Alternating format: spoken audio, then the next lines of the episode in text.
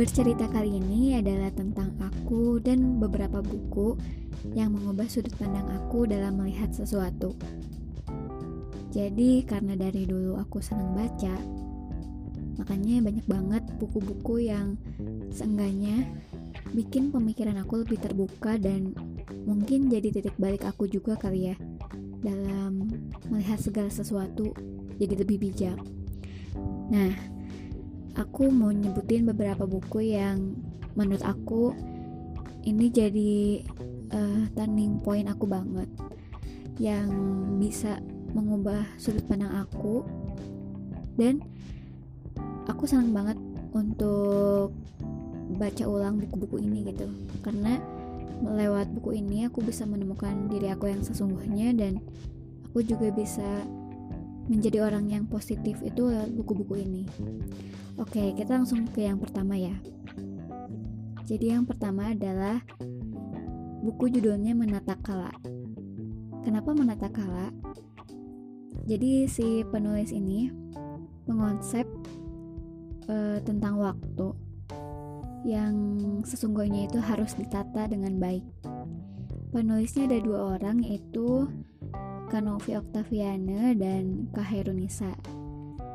Jadi ini salah satu buku yang diterbitkan secara indie ya. Di dalamnya tuh aku seneng banget karena ada banyak banget cerita berkaitan dengan menata kala tadi.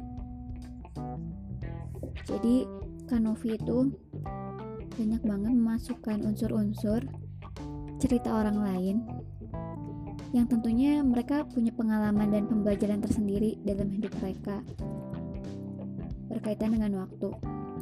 Kenapa hal uh, buku ini ya? Kenapa buku ini bisa menjadi hal yang paling bikin aku positif dalam memandang sesuatu? Ya karena dalam buku ini yang paling ditekankan itu adalah konsep waktu. Jadi gimana pentingnya waktu untuk kita atur secara baik gimana kita memanfaatkan waktu dengan keterbatasan usia yang kita nggak tahu sampai kapan. Dan juga tentang waktu yang banyak kita luput untuk dimanfaatkan dengan cara yang positif. Gitu deh. Terus yang kedua ini adalah buku judulnya buku bertumbuh. E, penulisnya itu ada lima orang jadi hasil kolaborasi gitu ada Kak Satria Maulana Kak Kurniawan Gunadi Kak Iqbal Haryadi Kamutia Prawitasari sama Kanovi yang tadi Kanovi Octaviana jadi buku ini juga menceritakan banyak pengalaman-pengalaman entah itu pribadi penulis ataupun orang-orang di sekitar penulis yang banyak yang banyak uh, meninggalkan jejak inspirasi itu bagi banyak orang. Di sini penulis mengemas cerita-ceritanya dengan apik. Jadi yang paling aku suka itu ketika banyak hal yang penulis masukkan ke dalam buku ini dan ternyata hal-hal itu yang luput dipikirkan atau diperhatikan oleh orang-orang sekitar. Termasuk aku juga sih ya. Ada yang berkaitan dengan sudut pandang, ada yang berkaitan dengan juga pemahaman terhadap diri sendiri juga berkaitan dengan waktu juga ada. Jadi pokoknya di sini paket komplit. Dan jadi buku yang bikin aku juga semangat untuk berpikir positif dan uh, berpemikiran terbuka gitu atas sesuatu. Terus yang ketiga adalah buku karya Kak Urfa Kurota ini yang judulnya Mendengar Nyanyian Sunyi jadi uh, buku ini didesain segimana adanya khusus untuk orang-orang introvert dan mungkin orang-orang yang ingin memahami orang introvert lebih jauh.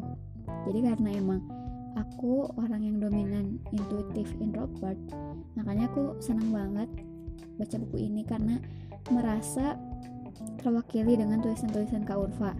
Apalagi ketika banyak-banyak uh, poin ya yang bisa mendefinisikan seorang introvert secara lebih gamblang.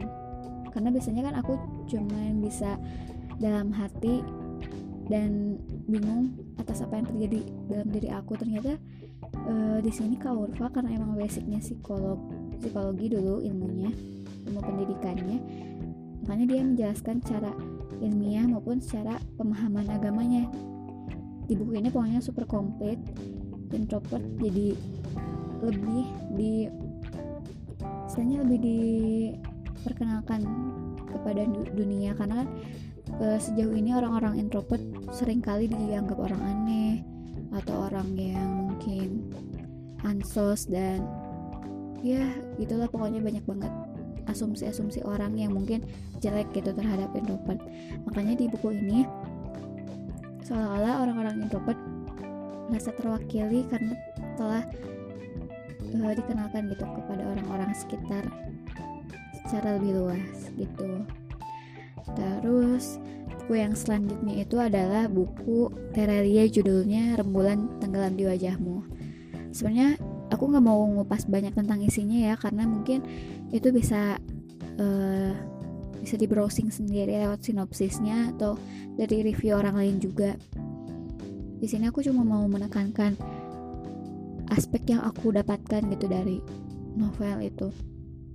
Kalau novel Terelia ini kan cerita utamanya itu tentang titik balik seorang pria tua ya yang dulunya istilahnya berantakan banget sampai ya sampai dia berubah menjadi sosok yang lebih baik dan ini novel yang pertama kalinya bikin aku jatuh cinta sama karya Terelie karena ini novel pertama dan juga yang bikin aku nagih sama karya Terelie lainnya. Aku nggak ngerti lagi karena alurnya itu maju mundur tapi uh, seru banget. Karena apa yang diceritakan dalam novel itu realistis dengan keadaan sosial masyarakat dan pembelajaran yang didapat dari novel itu juga banyak banget selain dengan kesabaran terus juga uh, kita belajar arti sahabatan belajar arti uh, belajar memaknai segala keyakinan yang kita pegang dan segalanya lah. Pokoknya nilai-nilai sosial masyarakat yang seabrek itu bisa Terelia rangkum dalam sebuah novel ini gitu. Dan aku amazed banget sih sama novel ini. Yang pada akhirnya bikin aku jatuh cinta banget sama semua karya Terelie.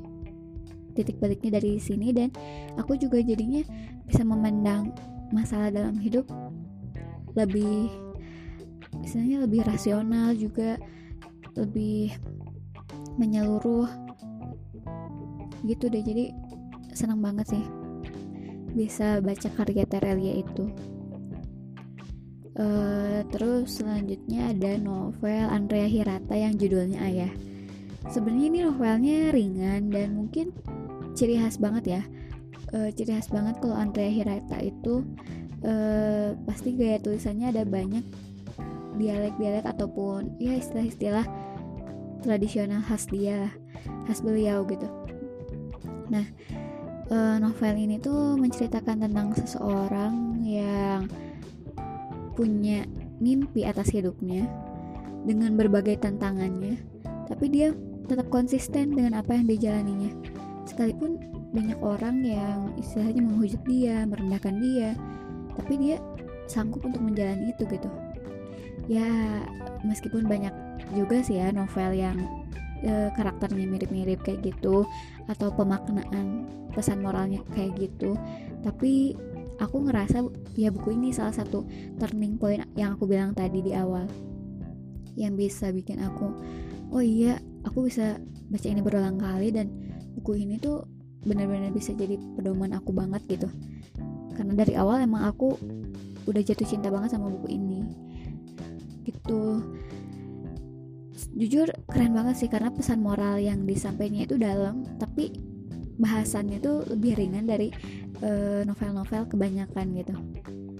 Itu keren banget sih karena kalau untuk orang yang mungkin nggak jago pasti akan sulit juga nemu uh, apa ya nemu nemu polanya kali ya nemu pola tulisan yang benarnya kayak gimana yang uh, sekiranya bisa diterima oleh pembaca kayak gimana. Dan ini keren banget sih karena pasti aku yakin siapa pun pembacanya sekalipun yang masih awam dalam membaca pasti mereka paham intinya mau ke mana gitu. Oke terus selanjutnya itu ada buku hmm, ini tuh buku Terelia juga. Judulnya itu daun yang jatuh takkan pernah membenci angin.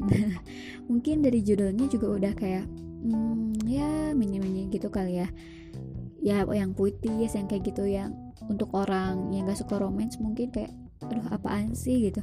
Tapi ternyata dalamnya itu menurut aku banyak pesan moral juga yang uh, Terelia suguhkan gitu. Yang bukan berkaitan dengan romansa doang. Tapi ya meskipun emang cerita utamanya itu uh, bukan cerita utama ya mungkin cerita tambahan lah cerita tambahannya itu memang ada unsur romansanya cuman inti dari cerita yang Terelie suguhkan ini lebih ke tentang perjalanan hidup seorang adik kakak gitu yang pada akhirnya mencapai sebuah kesuksesan. Dan mungkin salut juga sih ketika tokoh-tokoh yang dihadirkannya juga punya karakter yang khusus, yang punya perannya masing-masing namun nggak apa ya istilahnya nggak saling mendominasi dan porsinya itu pas. Dan unsur romansa yang ada juga sebenarnya nggak terlalu apa ya menurutku ya nggak terlalu over over juga ya. Karena masih bisa diterima oleh pembaca dan masih enak untuk di diikuti gitu alurnya. Ya cuman agak nyesek aja gitu di akhir. Tapi so far sih emang bagus kenapa ini jadi buku yang jadi turning point aku? Karena ya aku ngeliat banget di situ ngaca banget sama perjalanan hidup si kakaknya kakak dan adanya itu. Aku ngerasa perjalanan hidup setiap orang juga kan pasti gak mudah termasuk salah satunya aku. Makanya ketika ngelihat perjalanan kedua adik kakak itu aku ngerasa wow emang ya setiap orang tuh pasti punya fasenya masing-masing dan ya intinya aku jadi lebih semangat lagi gitu gitu untuk hidup. Karena ngelihat dari cerita yang dijalani si karakter utama di novel itu tuh ya mereka kayak aduh uh, perjuangannya bisa-bisaan banget deh sampai berdarah-darah gitu ya. I, istilahnya gitu bisa sampai berdarah-darah. Dan aku ngerasa oh berarti aku juga harus bisa lebih semangat lagi daripada si karakter yang dalam cerita gitu. Ya itu sih. Intinya si karakter yang dalam cerita tuh bisa menjadi inspirasi tersendiri bagi pembaca. Gitu deh. Mungkin udah sih kalau untuk buku-buku yang bisa jadi turning point aku mungkin segitu. Tapi sebetulnya banyak buku yang emang jadi apa ya jadi inspirasi aku dalam kehidupan. Cuman ya yang pertama kali bikin aku jatuh cinta dan, jadi turning point aku atau titik balik aku atas hidup aku ya buku-buku tadi yang aku sebutin gitu. Sebetulnya karena aku emang senang baca dari dulu jadi aku juga udah kayak nyoba-nyoba memaknai setiap pesan moral yang disampaikan dari bacaan aku gitu ya. Bacaan fiksi terutama bukan non fiksi. Dan emang hasilnya sih relate banget sama kehidupan karena apa yang penulis tuangkan dalam tulisannya kan juga pasti lah pasti gitu. Sebagian besar juga ada tentang pengalaman mereka atau pengalaman orang di sekitarnya.